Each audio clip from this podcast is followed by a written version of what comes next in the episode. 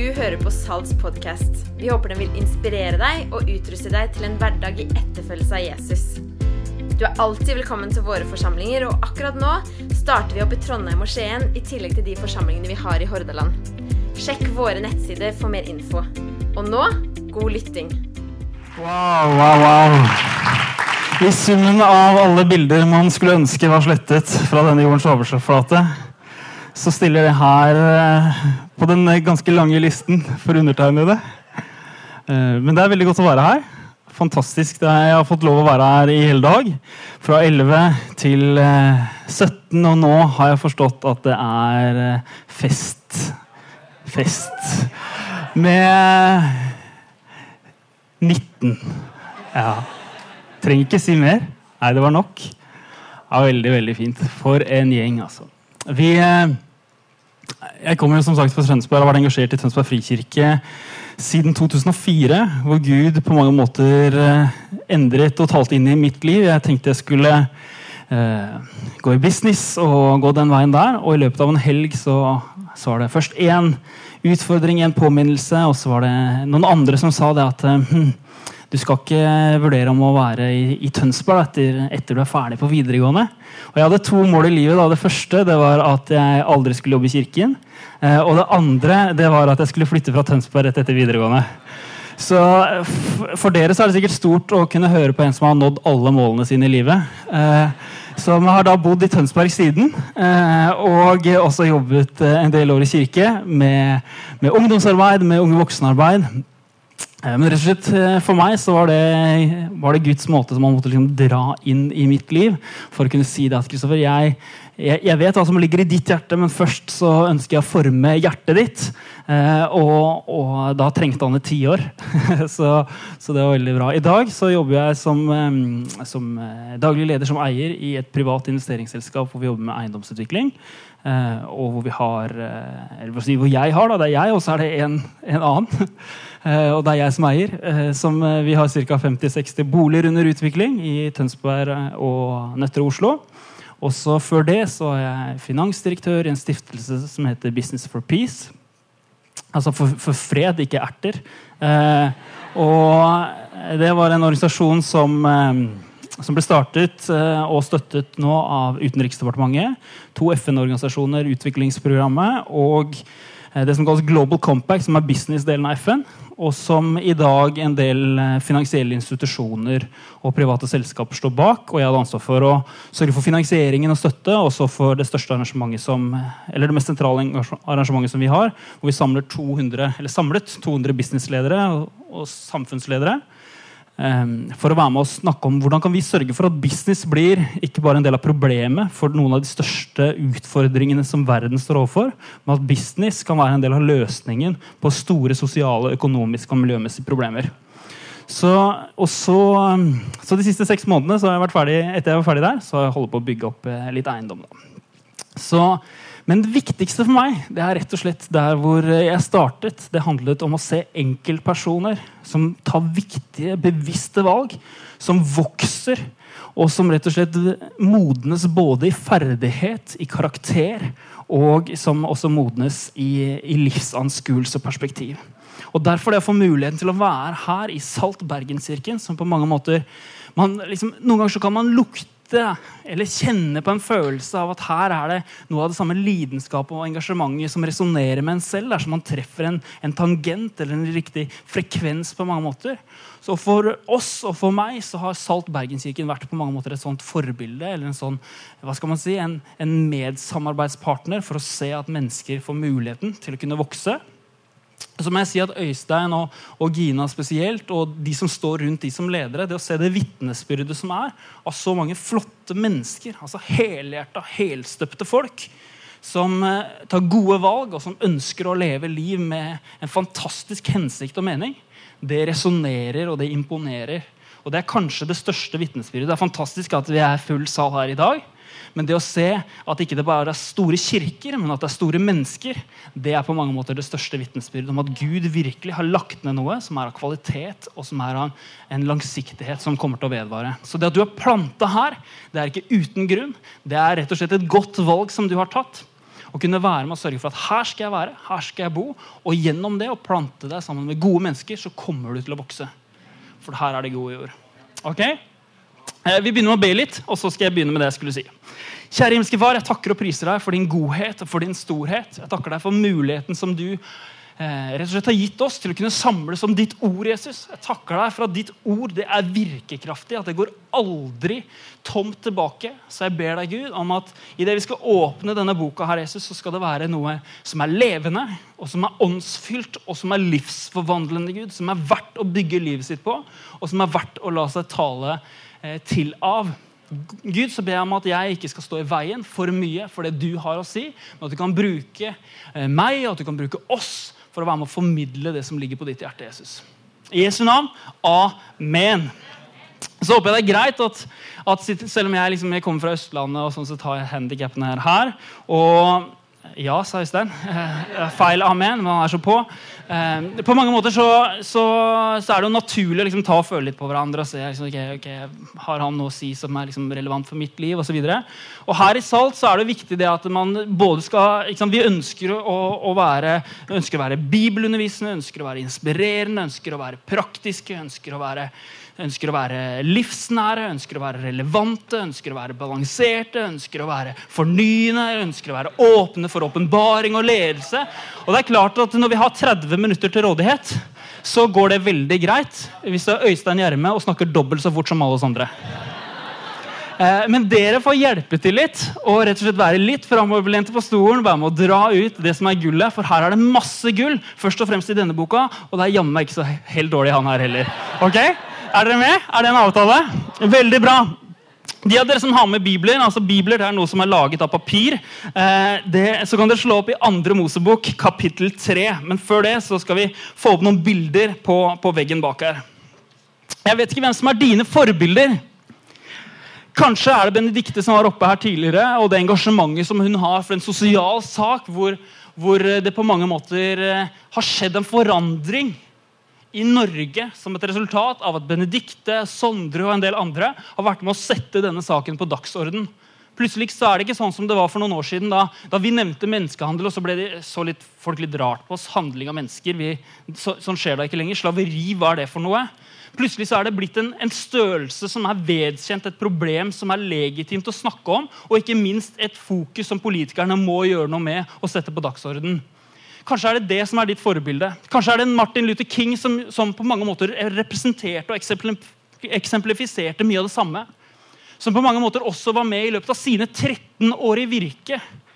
Så, var, så, forteller historikerne at han forandret mer om det sivile amerikanske samfunn i de foregående 200 årene som hadde gått. Naturligvis fordi han hadde et brennende engasjement, en tydelig lidenskap og en klar overbevisning om hva som var rett, og hva som var galt.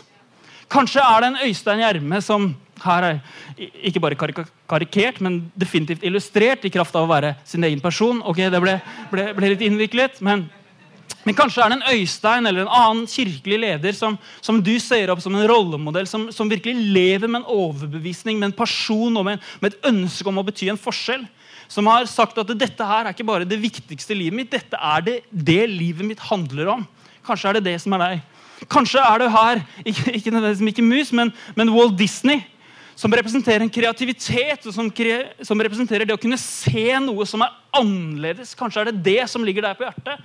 At Når du hører folk snakke om at kanskje er det noen her som er kalt til å kunne være med å prege enten en forretningsliv med nye forretningsmodeller som er innovative og kreative. Kanskje er det da du retter deg opp i ryggen, spisser ørene og hører litt ekstra etter. Eller kanskje er det noen her som, som, som tenker at hm, innenfor industrier og bransjer som underholdningsbransjen og andre, så er det behov for mennesker som har en tydelighet og som har et kompass, et indre kompass som er styrt av verdier som er så klare og så tydelige, og som ikke minst også er verdt å etterfølge, snarere enn at det er kommersielle interesser som skal utnytte mennesker, og som skal være med å, refokusere måten som folk tenker om de sentrale spørsmålene om hvordan man lever livet sitt. Kanskje er det deg som tenker at hm, dette har jeg lyst til å være en forskjell på. Eller kanskje er det ikke illustrert gjennom noen av disse eksemplene. Kanskje er det noen andre, kanskje er det noen du så opp til, kanskje var det en ungdomsleder tidligere, eller kanskje var det, eller var det kanskje en professor som tenkte hm, måten han så meg på, sånn ønsker jeg å kunne være for andre. Men hva er summen av disse? Jo, det er mennesker som lever med en overbevisning fordi de har sett noe. I begravelsen, eller En stund etter begravelsen til Walt Disney så skulle Disney World åpnes. Og Det fortelles historien om at Roy Disney, Walt sin bror, ble kontaktet av en, av en bygningsdirektør som, som kakka han litt i siden, og som, og som sa til han Tenk om Walt kunne vært her og sett dette. Så blir det stille noen sekunder, og så lener Royce over, og så sier han Walt så dette, og derfor kan du se det. Så mitt spørsmål til deg Idet vi skal snakke under en type fane om å leve for en større hensikt eller å leve med mer mening, det er hva er det du ser? Hva er det som opptar din oppmerksomhet? Hva er det som beveger deg på innsiden når du ser urett, eller når du ser at hm, vet du hva, denne ingeniørmessige, tekniske løsningen den funker bare ikke, og det irriterer meg noe grusomt? Noen av oss må ha den lidenskapen når vi snakker om ingeniørmessige tjenester. er dere ikke enig? Eller når det handler om måten som vi driver kirke på. Kanskje du tenker at hm, det må da finnes en annen måte å gjøre dette på. Jeg har sett et bilde som ikke nødvendigvis er helt tydelig, og som ikke nødvendigvis er helt klart, men det har beveget noe på innsiden av meg som gjør at jeg handler og må agere på en måte. Fordi dette her er et område eller et problem eller en mulighet som noen må gjøre noe med. Så la oss peke på hvem det er. Og som dere alle vet, er at Utfordringen når man peker, er at hva var det mamma sa? Tre fingre går alltid tilbake på deg selv, gutten min. Henger du med? Og nettopp derfor, i det vi skal snakke om å leve med en større hensikt, så skal vi gå til en av de viktigste historiene i Bibelen, og kanskje den viktigste for det jødiske folk. Nemlig historien som vi finner i andre, tredje, fjerde og femte Mosebok og som mange av oss kanskje kjenner like mye, enten fra søndagsskolen eller fra filmen 'Prinsen av Egypt'. Hvem kjenner mest fra søndagsskolen? Ja, Hvem kjenner historien om Moses og utvandringen av Egypt mest fra 'Prinsen av Egypt'? Så det er liksom Mariah Carey og Whitney Houston og Åh, fantastisk. Så i hvert fall så er det kort fortalt en historie i andre Mosebok så er det dette som skjer. og Vi har kort, relativt begrensa med tid, så la meg bare ta en recap, og så kan du lese kulepunktene som kommer her etterpå. Men kort fortalt så handler andre Mosebok om at Gud kaller Moses etter han blir født, etter han blir tatt bort fra moren sin, plassert i en liten kurv, plassert ut på vannet. Faraos datter finner han. Ser seg rundt. Hvem er det som er her? Er det noen andre? Søsteren til Moses har lysket i sivet og sier hm, kanskje jeg kan hjelpe deg med å finne noen som kan være med å ta, passe på dette barnet for deg. Søsteren løper tilbake til moren sier hm, vil du være med til faraos datter. Faraos datter sier hm, kanskje du kan være med og, og, og, rett og slett ta vare på dette barnet mitt.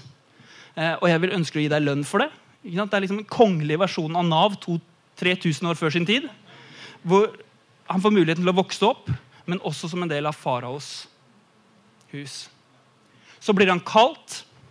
Han sier hm, nei, nei, nei, vi skal snakke mer om det senere. Og så går han, utfordrer farao én, to, tre, fire mange ganger. Så tar han med israelsfolket ut av Egypt og leder det gjennom det lovede land. I kapittel 3 er det masse lover som blir gitt dem. I kapittel 4 er det folk av klager. Det er ikke sa meg selv at jeg er en far. Jeg er gift med Anette. Hun er også gift med meg, heldigvis.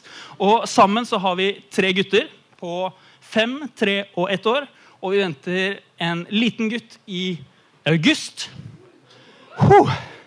Eh, liksom, ja, nå har vi skjønt hvordan det skjer, så nå blir det pause en periode. Og så eh, Idet vi er på vei liksom På alle bilturer så er det sånn at vi ser litt på hverandre, og så hører vi gutta baki sier hm, hm, eh, Hvor lenge er det vi er framme? Eh, 'Pappa, pappa, jeg må tisse'. Eh, og Det er veldig greit for de som bruker bleie, men det er litt kjipt for han siste. Så da må vi stoppe. ikke sant? Og så er det sånn at hele fjerde Mosebok handler om dette. At israelsfolket sier 'Hvorfor har vi ikke vann? Hvorfor har vi ikke mat? Hvorfor har vi ikke vann? Hvorfor har vi ikke mat?' Og Moses må stå der. Husk hvor vi skal hen. Husk hvor vi skal hen. Husk hvor vi skal hen. Og femte Mosebok handler om avslutningen på dette, og ikke minst det at Moses på mange måter gir sin avskjed, og at han dør. Og så skal vi fokusere på det stedet hvor Moses ble kalt, som er i andre Mosebok, kapittel 3. Og Vi begynner å lese litt tidligere, i kapittel 2, vers 23. Da kan dere få det tid nok til å slå opp på telefonen deres. Oh. Skal ikke gå inn på det her nå, selv om jeg har en forkjærlighet for papir. Eh, Øystein er enig. Lenge etter dette døde kongen. Altså Moses hadde rømt etter han hadde drept en eh, egypter, en av kongens faraos tjenestemenn. Så hadde han funnet og giftet seg, eh, funnet et sted å bo i Maidan og giftet seg. Og så blir han nå kalt tilbake. Det er det vi skal se. Guds navn og Guds kall er overskriften. Gud hørte hvordan de stønnet, og Gud husket sin pakt med Isak og Jakob, og Gud så til israelittene, for han kjente dem. Så står det i vers 2.: Da viste Herrens engel seg for ham i en flammende ild som en tornebusk. Og busken sto opp i flammer, men ble ikke fortært av ilden. Og Moset sa, 'Jeg vil gå bort og se dette mektige synet. Hvorfor brenner ikke tornebusken opp?' Men Herren sa, men Herren så at han kom bort og ropte til ham fra tornebusken. Og Når det står her skrevet ikke bare én gang, men to ganger, Moses, Moses, så betyr det ikke liksom at Gud trenger å si det to ganger for at Moses skal få oppmerksomheten hans. Bli klar over det. Men det handler om at på hebraisk på den tiden så sa man det ikke bare én gang og så utropstegn fire ganger for å forsterke noe. Da skrev man ordet to ganger. Så denne busken Ut fra denne busken så kommer altså budskapet 'Moses!' Og det skulle man tro fikk oppmerksomheten hans. Han svarte, 'Her er jeg.' Og Gud sa, 'Kom ikke nærmere, ta skoen av føttene, fordi stedet som du står på, er hellig grunn.' Så sa han, 'Jeg er din fars Gud, Abrahams Gud, Isaks Gud, Jakobs Gud.' Da skjulte Moses ansiktet fordi han var redd for å se Gud. Og Herren sa, 'Jeg har sett mitt folks nød i Egypt og hørt skrikene under slavedriverne, og jeg kjenner deres smerte.' Jeg har steget ned for å fri dem ut fra hendene på egypterne og føre dem inn i det landet som var godt og vidstrakt inn i det landet som flyter med melk og honning. For nå har skriket fra israelittene nådd meg, og jeg har sett også hvor hardt egypterne undertrykte dem. Gå nå, jeg sender deg til farao. Du skal føre mitt folk, israelittene, ut av Egypt. Og så videre. Moses sa til Gud, 'Hvem er jeg?' Jeg vet ikke med deg, men Kanskje er det noen her som også tenker hm, at Jeg ønsker å leve livet mitt med en sånn klarhet, tydelighet og overbevisning om en retning som er uovertruffent, krystallklar. Men hvem er jeg egentlig? Kanskje kan det være tanker om mindreverdighet. fordi hver eneste gang du tar opp den lille TV-en som man har i lomma si, så blir man påminnet av hvordan man bør se ut, hvordan man bør tenke, hva man bør ha, hva man bør eie, hvordan man bør reflektere, og hva man bør være og som er helt motkultur mot det denne boken på mange måter ønsker å kommunisere. i mange tilfeller. At istedenfor å være at du er en verdifull skapning med en tydelig plan for livet ditt, med en hensikt, med en Gud som elsker deg, som står på, som ønsker å si at vet du, du er helt unik, så er det industrier som profitterer på at du rett og slett tenker annerledes om deg selv og ønsker å swipe opp for å kjøpe denne, dette produktet som vi har å tilby. Så spørsmålet til Moses er på mange måter forut for sin tid. For Han sier det som er det dypest menneskelige, nettopp i møte med det som kan virke umulig, men som også er fascinerende. Så sier han ja, men hvem er jeg egentlig? Kan jeg gå til farao og føre israelittene ut av Egypt? Så spørsmålet er hvem er jeg? Og legg merke til Guds svar. Han svarte, 'Jeg vil være med deg'. Han svarer ikke på spørsmålet. Er det ikke irriterende? Så mange ganger hvor man leser evangeliene, og folk stiller Jesus spørsmål, og så plutselig så svarer han på helt annet. Jeg lurer på Hvor mange ganger disiplene satt og tenkte hm, eh, Vi hørte spørsmålet, men du snakker om noe helt annet. Det er jo veldig kult når man så blir oppfattet som veldig dyp. Men fram til da så er det bare irriterende. Er dere med? Så hvem er jeg? 'Jeg vil være med deg'. Og jeg tipper det I hodet til Moses da, så er det sånn Ok, jeg hører hva du sier, men hva i verden betyr det? Jeg vet ikke om jeg tør å stille noen flere spørsmål. Men likevel så fortsetter han slik. Dette skal du få til tegn at det er jeg som har sendt deg. Du, når du har ført folk ut av Egypt, så skal dere tjene Gud på dette fjellet. ok, det er greit. Men så sier Moses til Gud, og tenk deg det. Moses sier til Gud, sett at jeg går til israelittene. Tenk deg det. Du er en menneske som har sett en brennende busk som ikke brenner opp. Du har hørt stemmen Moses, ikke bare litt, men veldig. Og så kommer du og stiller spørsmålet hmm, Hva sier dette om Moses? Ok, han har sett at jeg Kanskje han sa det ikke helt på den måten. Men det sier noe om Moses sin personlighet at han ikke hopper på det første og beste. Når han sier det at hm, la meg sjekke dette nærmere. Sett at jeg går til israelittene og sier til dem deres fedres Gud har sendt meg til dere, og så spør de meg hva er hans navn. Hva skal jeg svare dem? Helt legitimt. Hva er det som står på mitt visittkort? Hvem er det jeg går for? Og så kommer svaret her. Gud svarte Moses, 'Jeg er den jeg er'. Og det gjorde jo alt mye klarere. Takk for hjelpen. Og han sa Det er liksom som om Gud skjønner ok, her er ikke helt sikkert at dette gikk helt inn. Og han sa, 'Slik skal du svare israelittene.' 'Jeg er har sendt meg til dere.' Og det som var krystallklart, ble enda tydeligere. Men det vi ikke leser når vi leser dette her, det er at det, når han sier 'jeg er', så kommer han videre til neste setning. Du skal si til israelittene at Herren og I min oversettelse, i mange oversettelser står det 'Herren' med stor H, stor E, stor R, stor R, stor E og stor N. Fordi dette ordet som ble skrevet 6828 ganger i Bibelen, i Det gamle testamentet på hebraisk, Javé, som betyr 'jeg er'. Eller når israelittene sa det, så sa de navnet. Fordi det var representert på en sånn måte at det var helt tydelig at dette var, dette var et hellig navn som yppersteprestene kun fikk lov til å uttale én gang i året. Ellers så fikk ingen si det på noe annet sted i tempelet enn nettopp den ene gangen. Så når Gud på mange måter sier at her åpner jeg kimonoen, jeg sier at dette er den jeg er, så er det egentlig en tillitserklæring til Moses som er helt uovertruffen, og som er lett å gå glipp av når vi leser fra 2018 med våre briller og våre perspektiver. Når Gud sier til Moses at 'Hvem er det som har sendt meg?' Jo, jeg er har sendt meg, så er det i hvert fall en naturlig konsekvens at om det er navnet på den som vi bare kaller navnet fordi vi ikke kan omtale ham, så betyr det i hvert fall at hvis han er jeg er, så tror jeg Moses vet, og jeg vet, og kanskje du vet, at hvis han er jeg er, så er jeg er jeg er ikke. Er det noe jeg vet i det tidspunktet, tror jeg Moses vet, så er det at ok, om du er jeg er, så er jeg er jeg er ikke. Men hvis det er sånn at jeg er den jeg er, har sendt meg, så spiller det ikke noen rolle om jeg er ikke. Så lenge jeg er ikke er jeg er, så er det helt greit å være jeg er ikke. Klart og tydelig. Fordi jeg er ikke henger sammen med hvem man er sin. Din personlighet, din identitet, din tydelighet, din karakter, din hensikt i livet er alltid knyttet sammen med hvem det er som du tilhører. Og grunnleggende i dette spørsmålet, når Moses sier 'Hvem er det jeg er', da? Så sier Gud bare det spiller ikke noen rolle hvem du er, men det spiller veldig stor rolle hvem du er sin. Og hvis du er min, så spiller det ikke noen rolle om David sier at jeg kommer i hu at jeg er støv.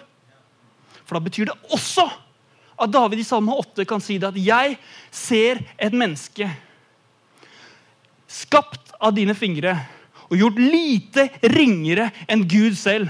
Altså dualiteten som vi kan ha med selvtillit.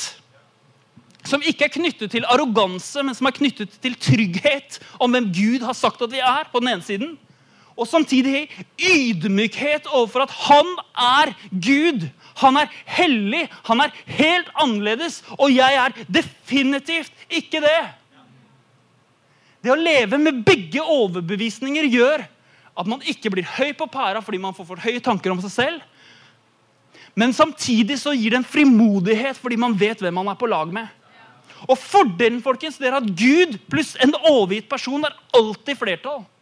I møte med enhver umulig situasjon, i møte med ethvert fjell som du kan møte, i møte med enhver sykdom, i møte med enhver skam, i møte med enhver synd, så sier Bibelen at alle ting har Gud tatt på seg.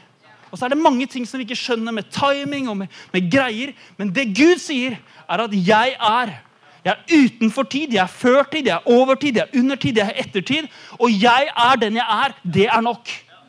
På mange måter så er det sånn at når vi så leser i Jesaja kapittel, kapittel 6, hvor Jesaja får muligheten til å se inn i himmelen, og hvor han skal beskrive den Gud han ser, som er det samme samme åpenbaring som Johannes får i Johannes' åpenbaring kapittel 3 og kapittel 4 hvor Johannes beskriver himmelrommet sånn som det er, med engler eller livsvesener, som Rudi Myntevik sier, og som roper til hverandre, som har øyne over vingene, som har øyne under vingene, sånn at de kan få muligheten til å se Gud.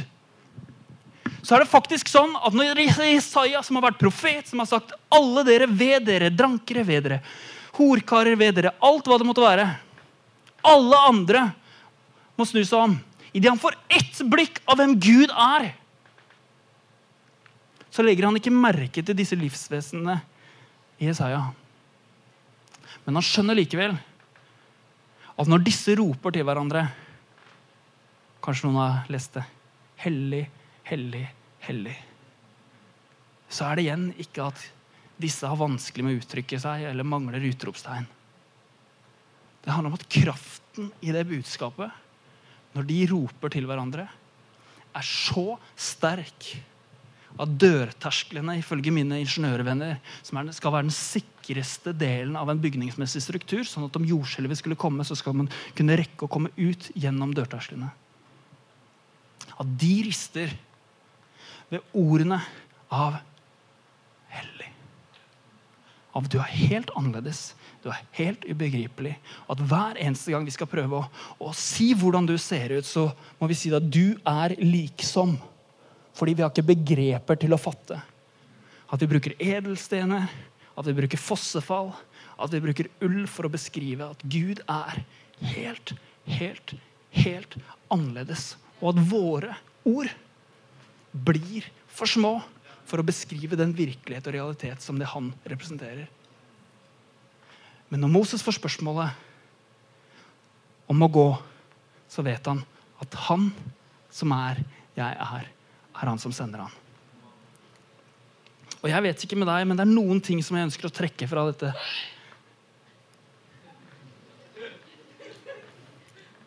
Det første det er at i bunn og grunn så vil et liv med hensikt alltid, med fare for å bli ubalansert, så til å si alltid funderes i hvem din hensikt er sentrert hos. Og om det er tilfellet, så betyr det at et gudsbilde som setter Gud høyt nok, og som setter Gud og maler Gud stort nok, er avgjørende. Hvor mange av spørsmålene du har i ditt liv, om tro, om livsvalg, om det ene eller det andre, om dette er synd eller dette ikke er synd, eller om jeg bør gjøre dette som jeg opplever at Gud minner meg på, eller om jeg ikke bør gjøre det, hadde blitt avgjort og avklart om han hadde et bilde om at han som er den han sier at han er, er helt helt, helt annerledes. Så når livsvesenet sier det, så er det ikke sånn at hm, nå har vi stått der i x antall tiår, tusen år, millioner år. Det hadde vært greit å se litt av resten av området her. Nei, fordi når han kommer, så ser man stadig en ny side av hvem han er. Fordi han i sitt vesen er skapende, fordi han i sitt vesen er skaperen. Fordi han i sitt vesen er helt annerledes enn hva vi kan fatte, og hva vi kan beskrive. Vet du hva? Han er verdt å gi hele livet sitt til. Og han er verdt å leve hele livet sitt for. Hvorfor? Jo, fordi livene våre får størst betydning når de leves for han eller den eller det med mest verdi. Og Hva leder dette oss til? Jo, at et sant gudsbilde skaper et riktig menneskesyn. Et menneskesyn hvor Gud lar seg bevege når han hører israelittenes budskap. Når Mariah Carey og Whitney Houston synger 'Many Nights We Pray', for, with no proof anyone could hear, så er det altså dette som Gud hører, det som Gud lar seg bevege av, sånn at han sier at vet du hva, 'jeg griper ned i historien' og reiser opp en mann, plasserer han som et lite barn inn i faraos hus, den mektigste personen på jorden. Fordi jeg trenger en person der som lærer hvordan man skal tale til autoriteter, hvordan man skal tale til myndigheter, hvordan man skal kunne tale til farao. Om 40 år, 50 år, 60 år, 70 år så kommer jeg til å bruke den samme som rømte fra farao av redsel, til å være den som trosser sin egen frykt og sier det at 'la folket mitt gå'.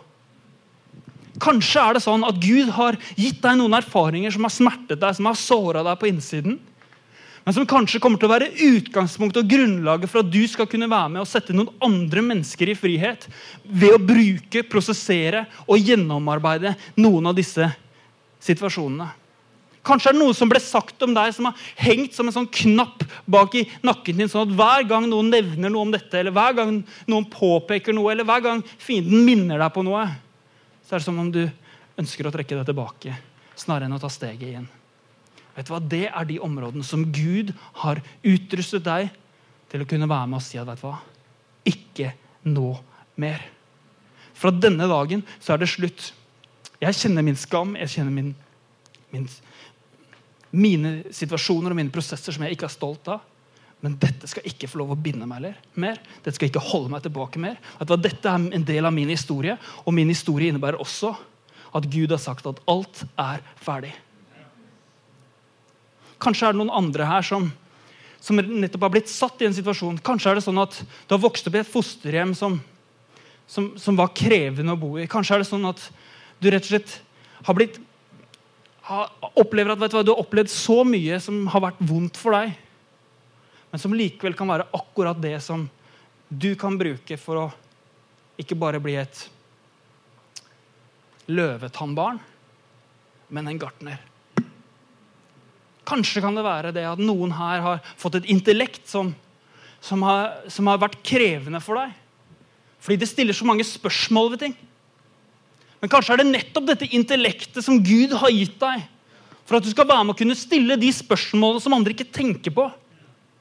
Og Gjennom å stille spørsmålene så er det begynnelsen på visdom og innsikt på områder som vi kanskje aldri hadde fått svar på hvis ikke noen med din bakgrunn, med din historie og også med din din track record på at du faktisk måtte kjempe med en del spørsmål, har fått muligheten til å kunne si du, at dette har gitt meg myndighet på dette området. Så et menneskesyn det gir også en tydelig plan. Moses ble utfordret og tydelig på at du må gå med en hensikt, du må gå med en plan. Det lovede land var helt klart og tydelig hans endestasjon. Og jeg vet ikke med deg, men hvis du ønsker å leve liv med betydning, så må du i, i alle fall leve med en overbevisning om at Gud, ok, der du leder, der skal jeg gå. Jeg husker tilbake, jeg, husker tilbake, liksom, jeg var i tenårene og så var jeg superredd for å be denne bønnen. Kjære Gud, ok, ta alt jeg er, alt jeg har, framtiden min, og gjør med det som, som du vil. Jeg var redd for at han tenkte at endelig så er det et eller annet kjøtthue der nede som sier ok, nå er det hva som helst. Jeg tar hva som helst. Endelig. Så nå får jeg muligheten til å åh, endelig besvare denne enken i Sibir som har lengtet etter en mann hele sitt liv. Men skal jeg si det nå? At idet jeg har tatt valg som har kostet meg noe i øyeblikket, så har jeg aldri vært skuffet når jeg ser tilbake tre, fem eller ti år seinere. Vet du hvorfor? Fordi når man velger å leve overgitt og med en forpliktelse, så får man også smake den mest sjeldne frukten som er å finne i dag, nemlig frukten av trofasthet. Og Gjennom frukten av trofasthet får man dypere røtter enn det man kan få ellers. Det er en del ting som du aldri kan oppleve på to år, men som du kan gjennomføre på syv. Det er vanskelig å bygge et lederteam på to år hvor ledere bygger ledere, eller bygger en stor menighet eller bygger en kultur.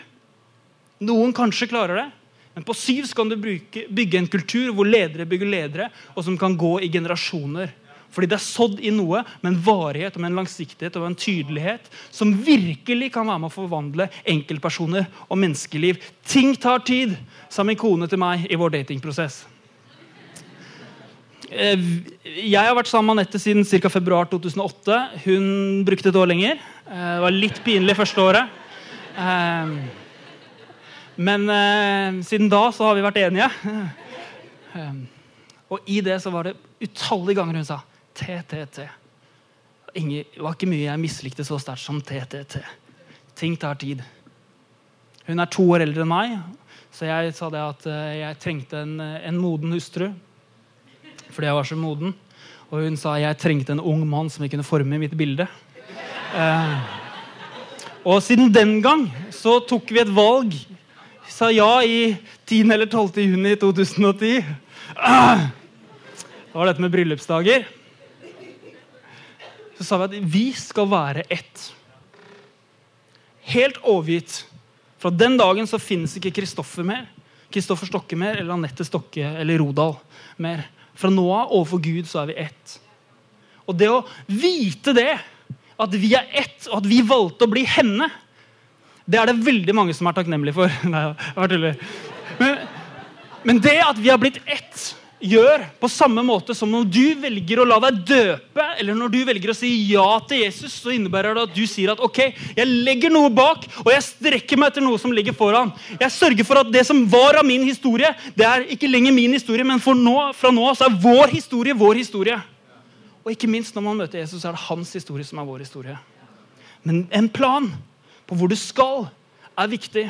Det ikke gå rundt og prøve å finne seg en kjæreste Litt på samme måte som om noen sitter på en flyplass og tenker hm, dette var fint.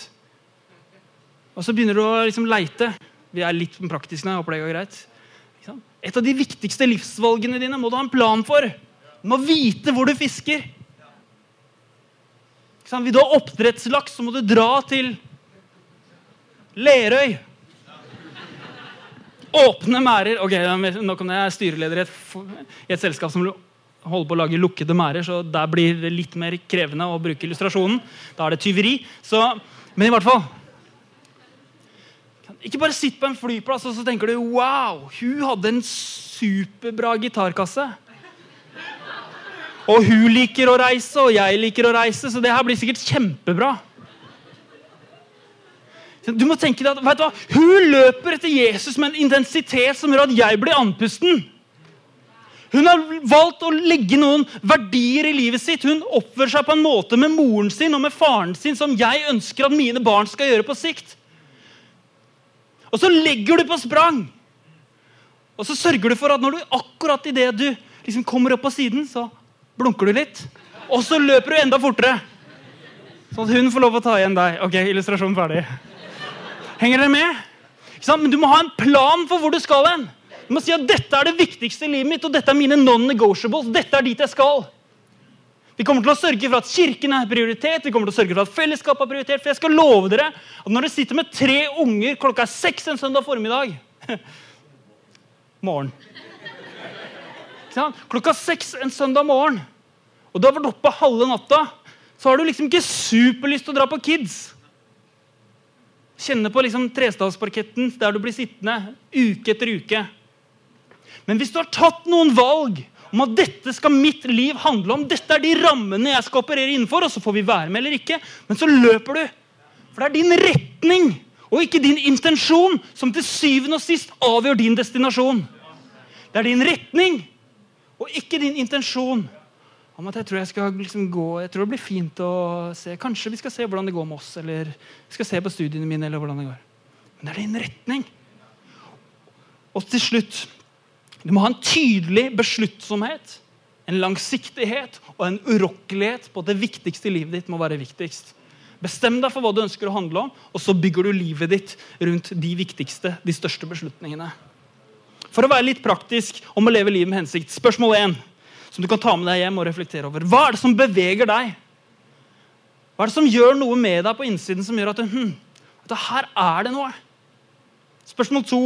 Hva er det Gud har sagt til deg på samme måte som Gud sier at 'jeg steg ned for å redde israelsfolket ut av Egypt' gjennom å bruke Moses. Så kanskje har Gud steget ned og snakket gjennom din bestemor og sagt at vet du, måten som du bryr deg om mennesker på, den er, den er spesiell. Kanskje har Gud brukt en tante som sa noe om at måten som du tenker på, fascinerer meg. Eller kanskje en mor eller en far Måten som du er engasjert på, drar med deg mennesker. Så hva har Gud sagt til deg? Punkt tre hva har du i hendene? Moses brukte livet sitt med en stav i hendene som en gjeter. Det var den staven som han brukte for å kaste foran. Eller en lignende stav som han brukte for å kaste foran farao. Det var den staven han brukte for å slå på fjellet, og det var den staven han brukte for å reise sånn at havet delte seg i to. Fjerde spørsmål hva er det du ser? Femte spørsmål hvem har du rundt deg?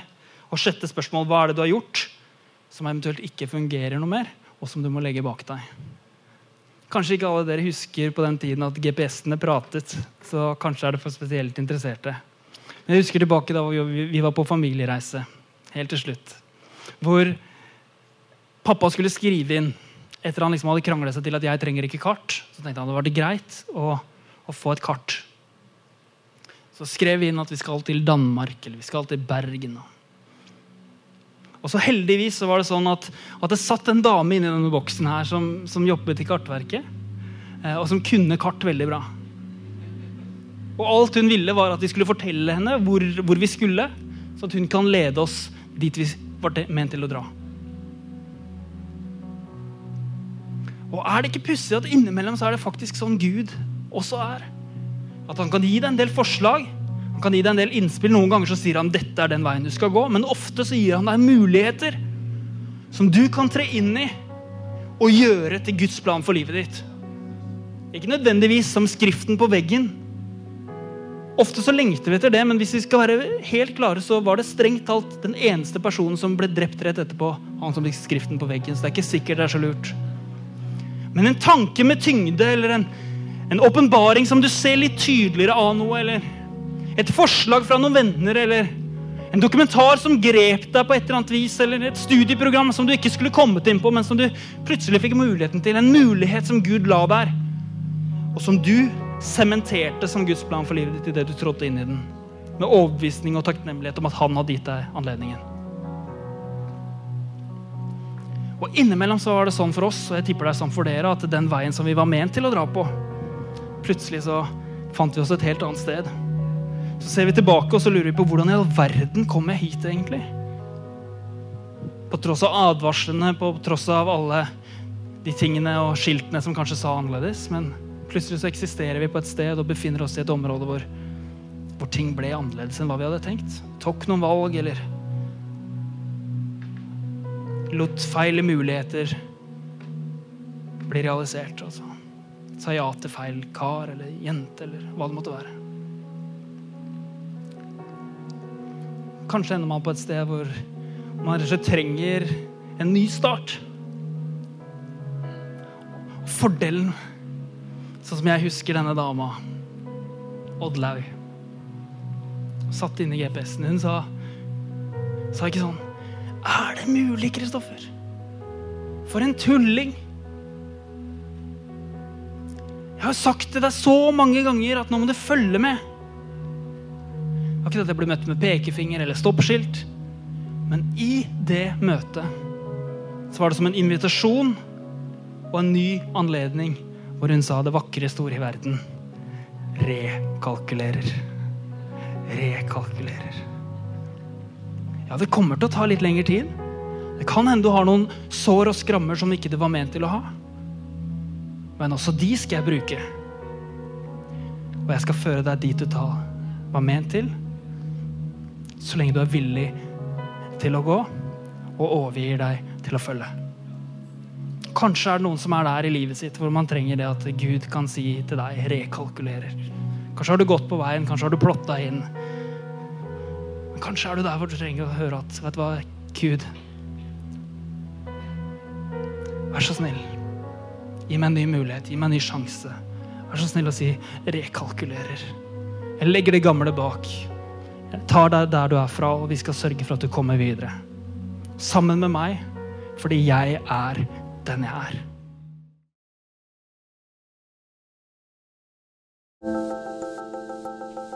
Takk for at du lyttet til podkasten til Salt. For å høre flere, besøk oss på saltbergen.no.